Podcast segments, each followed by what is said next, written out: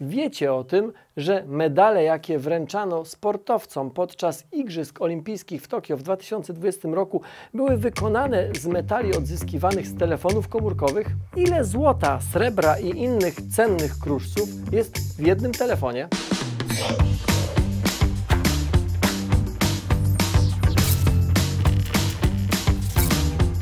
32 Igrzyska Olimpijskie w Tokio w 2020 roku były z powodu pandemii e, przesunięte o rok, ale e, nie tylko to czyni je wyjątkowymi. Przed igrzyskami zebrano ponad 6 milionów telefonów komórkowych, które razem z innymi e, zużytymi sprzętami elektronicznymi przerobiono, a to posłużyło do produkcji medali.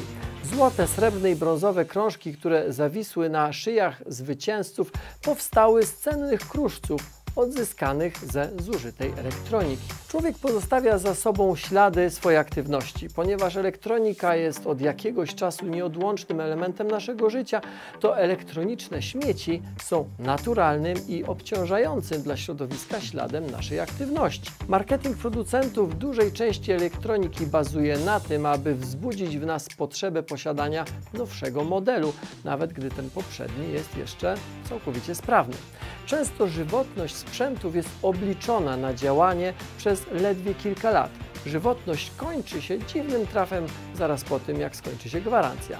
Co ile lat wymieniamy obecnie pralkę albo lodówkę? Co jaki czas musimy wymienić telewizor? Jak to się ma do sprzętów, które były w naszych domach kilkadziesiąt lat temu?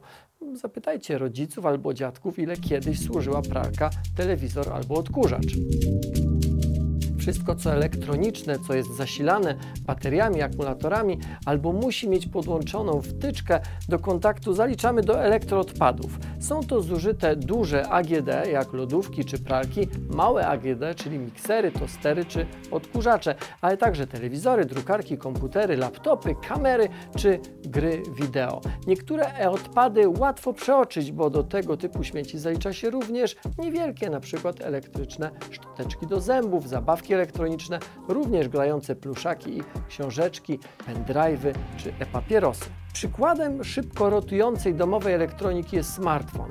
Każdy z nas miał ich już przynajmniej kilka. Szacuje się, że podczas cyklu życiowego jeden smartfon produkuje około 93 kg CO2. To dużo, szczególnie biorąc pod uwagę, że każdego dnia używamy miliardów smartfonów. Telefony komórkowe jako e-odpady są często zaliczane do grupy IT i urządzenia telekomunikacyjne, czyli oprócz smartfonów mamy w niej laptopy, tablety czy urządzenia czy faksy. Ilość tego typu e-odpadów bardzo szybko rośnie.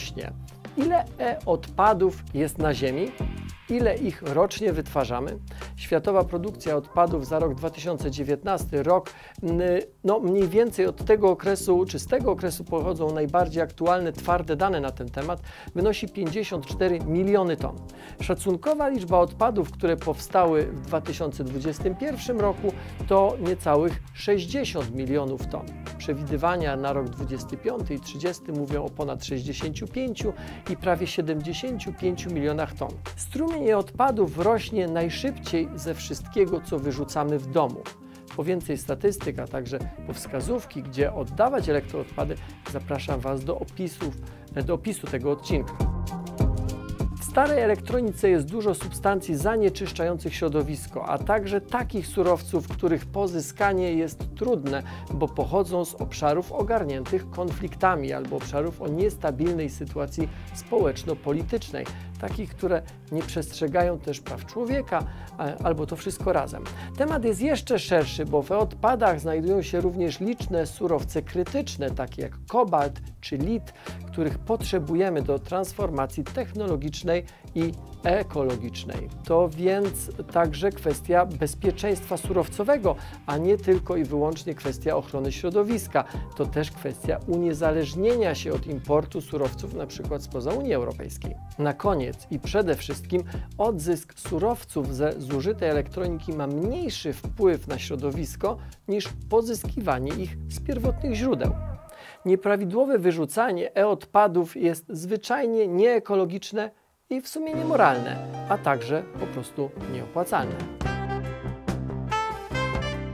Surowce możliwe do potencjalnego wykorzystania po recyklingu odpadów to choćby duże ilości cennych metali, złota, miedzi, srebra czy platyny, które można używać nie tylko do produkcji medali olimpijskich, ale także do wytwarzania nowych telefonów komórkowych i innej elektroniki, do czajników, e, plomb dentystycznych e, czy instrumentów muzycznych. Ile cennych kruszców jest w telefonie komórkowym? Z miliona sztuk poddanych recyklingowi komórek możemy uzyskać 350 kg srebra, 34 kg złota, 15 kg paladu i aż 16 ton miedzi.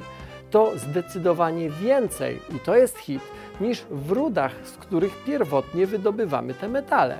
Licząc od drugiej strony, do otrzymania tony miedzi trzeba przetworzyć kilkaset czy nawet tysiąc ton skały i zaledwie kilkanaście ton odpadów elektronicznych. W tonie wyrzuconych telefonów oprócz miedzi znajdziemy aż 300 gramów złota i trzykrotnie więcej srebra. Chociaż w internecie można znaleźć wiele przepisów na to, jak samodzielnie odzyskać złoto z telefonu, nie radzę tego robić w domu. Polskie prawo tego zabrania z uwagi na ochronę środowiska i zasady racjonalnego gospodarowania odpadami.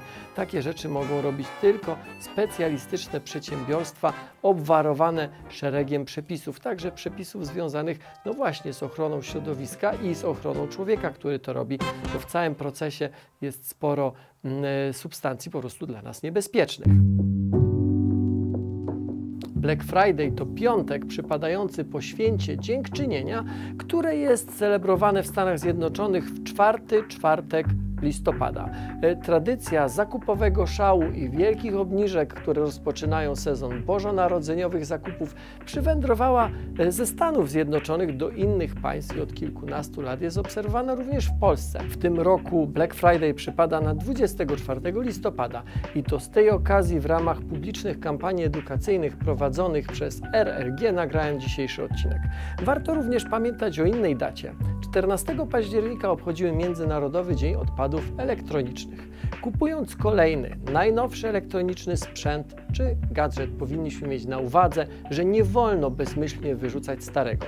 Należy to zrobić w miejscu do tego przeznaczonym w sklepie, punkcie selektywnej zbiórki odpadów komunalnych albo po prostu wyrzucić do specjalnie do tego przeznaczonego pojemnika. Pamiętajmy również, ile cennych e, materiałów możemy wyciągnąć z elektroodpadów i wykorzystać do produkcji nowych rzeczy e, z korzyścią dla środowiska, a więc i dla nas. Nauka to lubię od 10 lat, nie tylko na Facebooku, YouTube. Dziękuję za uwagę.